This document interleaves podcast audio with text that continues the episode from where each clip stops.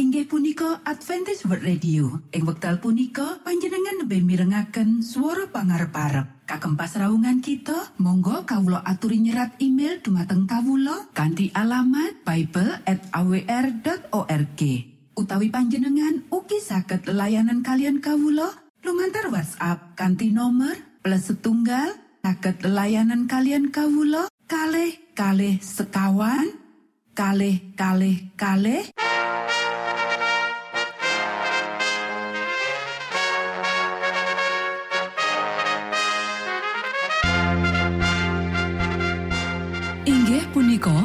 Adventis World Radio ingkang giaran kanti basa Jawi. Tentrem Rahayu kula aturaken kagem poro Mitra kinasih ing pundi papan lan panggonan. Sugeng pepanggian malih kalian Adventis World Radio. Kanti bingahing manah Kulo badi sesarengan kalian poro Mitra kinasih lumantar saperangan adicara ingkang sampun rinonci mligi kagem panjenengan sami. Mugi giaran punika saged migunani tuwin dados berkah kagem kita sedaya. Sugeng midhangetaken Gusti amberkahi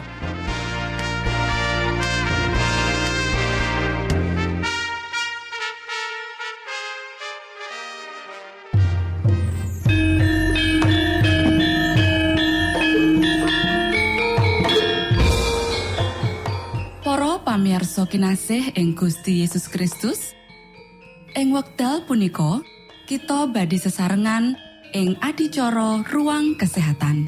Ingkang saestu migunani kagem panjenengan saha kita sami. Tips utawi pitedah ingkang dipun aturaken ing program punika tetales dawuhipun Gusti ingkang dipunnyatakaken ing kitab suci.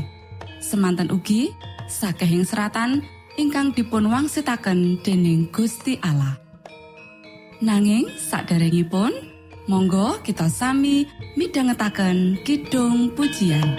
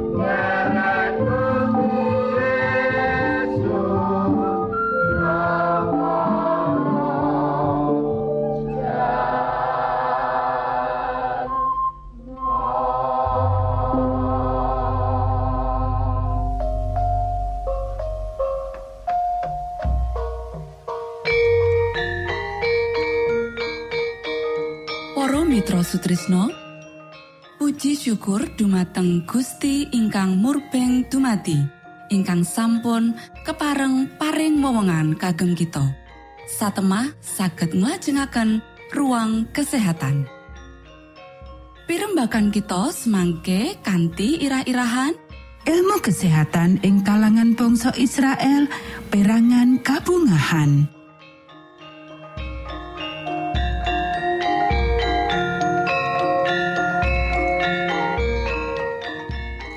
dumateng para pamiarsa kakung saha putri ingkang dahat kinurmatan sugeng pebanggian malih kalian kula Isti Kurnaidi ing adicara ruang kesehatan.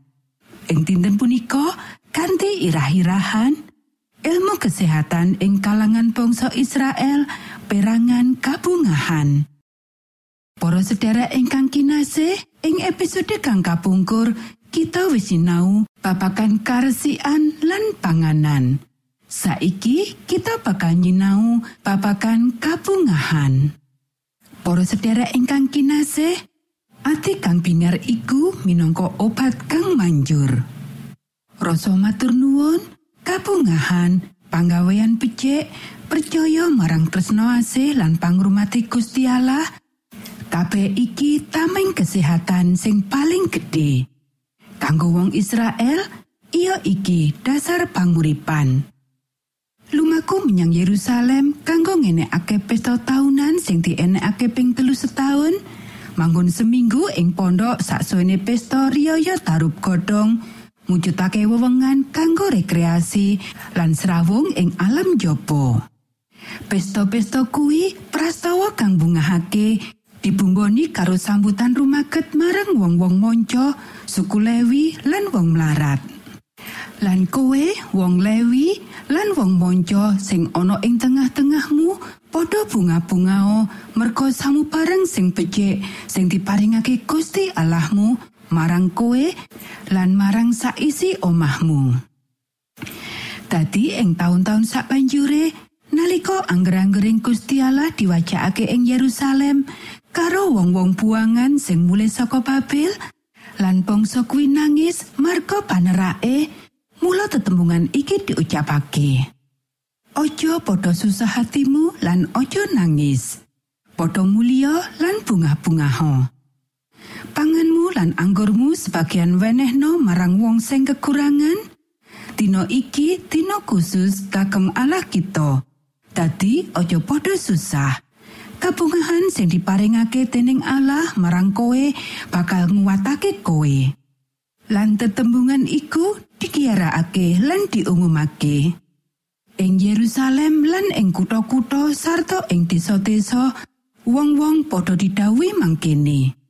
Padha menyang ing pegunungan, ame godhong jaitun, godhong wit lengo, godhong wit murat, godhong wit kurma, lan godhong wit kang rembuyung kagawiyasa tarup netepi apa kang katulisan.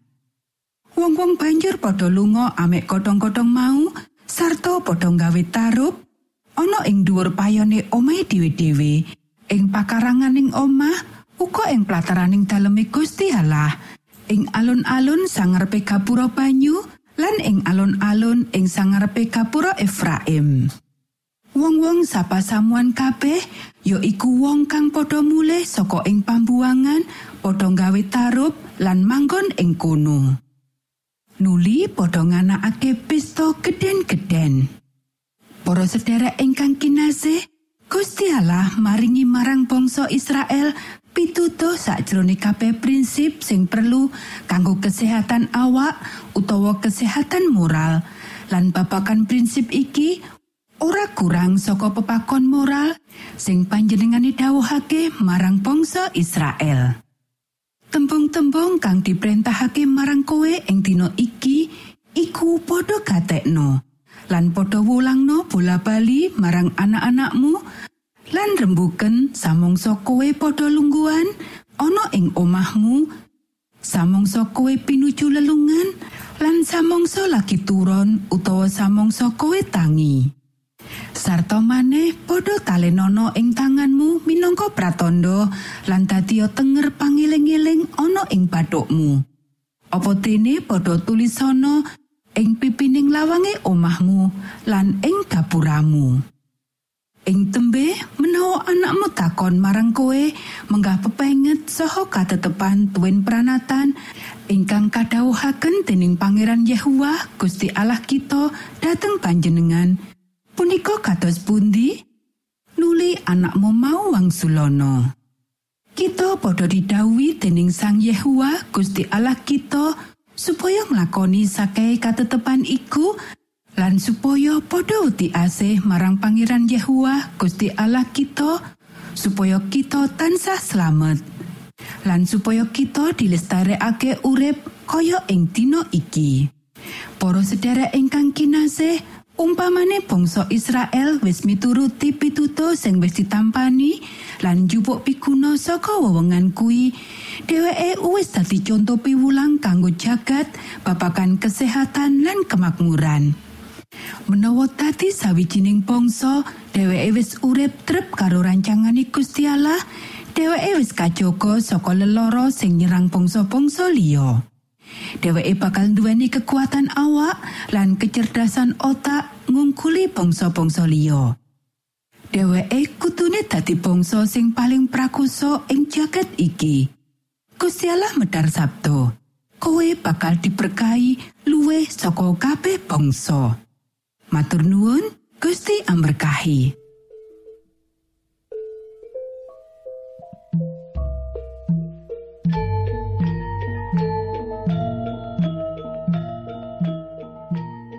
Cekap semanten pimbakan ruang kesehatan ing episode dinten punika. Ugi sampun kuatos jalaran kita badhe pinanggih malih ing episode sak lajengipun.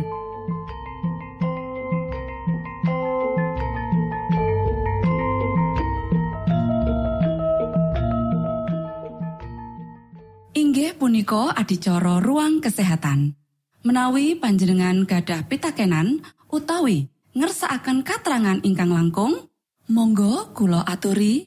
Kinton email dateng alamat ejcawr@ gmail.com utawi lumantar WhatsApp kanti nomor 025 pitu 00 songo songo papat 00 pitu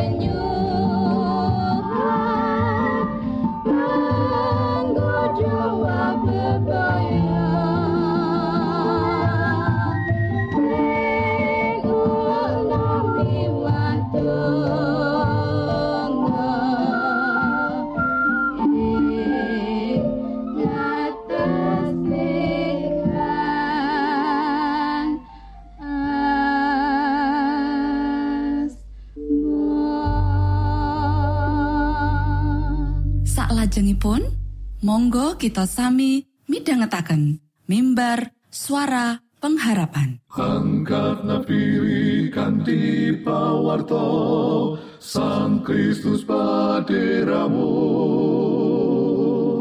Pro umat samyo puji asmanyo Sang Kristus paderamu. Inggih punika mimbar suara pengharapan ing episode punika kanthi irah-irahan. Gusti Allah kang nyawiji marang kita. Sugeng minangka tondo Sang Kristus paderamu Ilmu kawero tambah lan tambah Sang Kristus paderamu Paderamu Paderamu Sang Kristus paderamu Shalom. Para pamirsa ingkang kinasih wonten ing Gusti sakmenika kita badhe mitangetaken renungan Sabtu pangantikanipun Gusti. Ing dinten punika kanthi irah-irahan Gusti Allah kang nyawiji marang kita Para sedherek ingkang kinasih prajanjen lawas nuduhake carane sang pangripta wiwit nandukake rencanane lumantar wong sing mestine makili sifat lan tujuanipun kanggo jaket iki. Samu barang kang wis dikarsani dening Gusti Allah kuwi laras karo strategi misi Gusti Allah piyambak. Lumantar Nabi Yesaya, Gusti Allah ngendika, Sira padha ngelingono lelakon-lakon biyen kang wis kedadean dek jaman kuno. Menawa iya ingsun iki Allah lan ora ana liyane. Ingsun iki Allah lan ora ana kang kaya ingsun. Kang paring sumurup piwit ing sakawit, prakara kang ing tembe bakal kelakon. Lan wiwit ing jaman kuno apa kang durung kelakon kang ngendika. Putusaning sun bakal tumindak. Tuwin sakai karsaning sun bakal kelakon. Yesaya pasal petang ayat songo lan 10.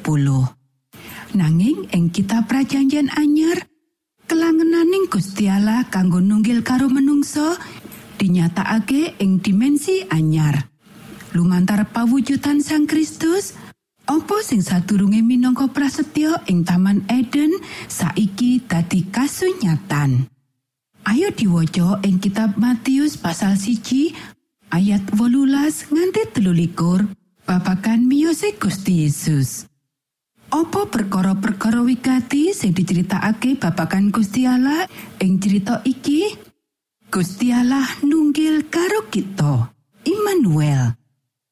Sadurunge Gusti Allah tetalem ana ing antarane umate ing pedaleman suci. Saiki panjenengane tetalem ana ing antarane wong-wong mau kanthi jasmani ing pribadine Gusti Yesus Kristus saka Nazaret. Panjen kanthi miyosipun Gusti Yesus, Gusti Allah mratelakake kanthi cara nyata kelangenanipun tansah nunggil kalian kita wonten ing sifat lan misi. Putraning Allah ingkang manungsa sejati lan Gusti Allah sejati lan panjenengane iku kang negesake. Aku iki dalane sarta jatine kayekten lan kauripan. Ora ana wong siji-siji kang bisa sowan marang Sang Rama menawa ora metu ing aku. Yukanan pasal 14 ayat 6. Para sedherek ingkang kinasih, saiki ayo diwaca ing kitab Yohanan pasal siji ayat 14 nganti wolulas. Apa sing bisa panjenengan sinaoni saka pawujudan Sang Kristus sing ana gandeng lentenge karo misi Allah kanggo kita? Para sederek, Gusti Allah lumaku maju karo misine lan banjur lumantar saka Gusti Yesus kang dadi daging ing antarane para putra-putranipun. Panjenengane putrane ontang-anting Sang Rama kang kapenuan ing sih rahmat lan kayekten Yukanan pasal siji ayat 14 kang genepi pameco-pameco prajanjian lawas kang laras karo rancangane Gusti Allah kang nunggil karo kita. Allah ing daleme daging. Allah saka misi kuwi kang tansah numindak gawe ngrampungi tujuane Gusti Allah. Para sedherek ingkang kinasih, ayo padha dipikirake pangerten saka sih katresnaning Gusti Allah kang gedhe satemah Gusti Allah kersa rawuh marang kita ing kamanungsan kita. Kepiye kita kudu nanggepi katresnan iki kanthi pribadi sakjroning sesrawungan karo misi marang pepadha kita. Monggo kita sami ndedonga. Duh Rama kawula ingkang wonten ing swarga, asma patuko mugi kasucikaken. Kraton patuko mugi rawuh. Karso patuko mugi kalampahan wonten ing bumi kados dene wonten ing swarga. Kawula mugi kaparingan rejeki kawula sak cekapipun ing dinten punika. Saha patuko mugi ngapunten kalepatan kawula kados dene kawula inggih ngapunteni tetiang ingkang kalepatan dhateng kawula. Punapa dene kawula mugi sampun ngantos katandukaken dhateng ing panggoda. Nanging mugi sami patuko uwalaken saking piawon. Awit dene patuko ingkang kagungan kraton saha wiseso tuwin kamulyan salami laminipun. Amin.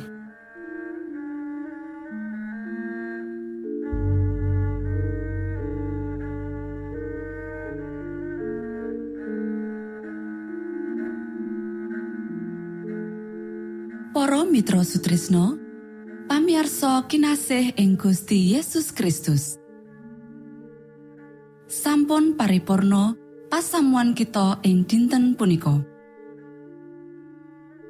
Menawi panjenengan gadah pitakenan utawi ngersaakan seri pelajaran Alkitab suara nubuatan Monggo Kulo aturi kinton email dateng alamat ejcawr gmail.com utawi lumantar WhatsApp kanti nomor 025 pitu 00 songo songo papat 00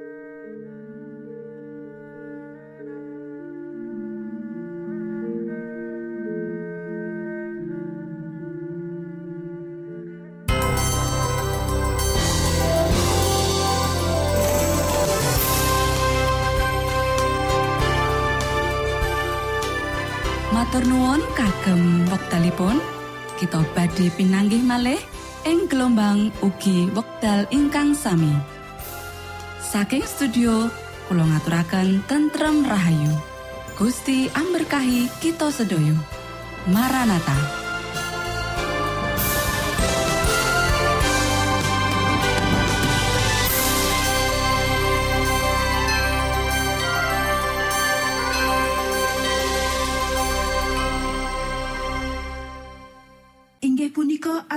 World Radio. Ing wekdal punika panjenengan lebih mirengaken suara pangarep-arep. Kagem pasraungan kita, monggo kawula aturi nyerat email dumateng kawula kanthi alamat bible@awr.org.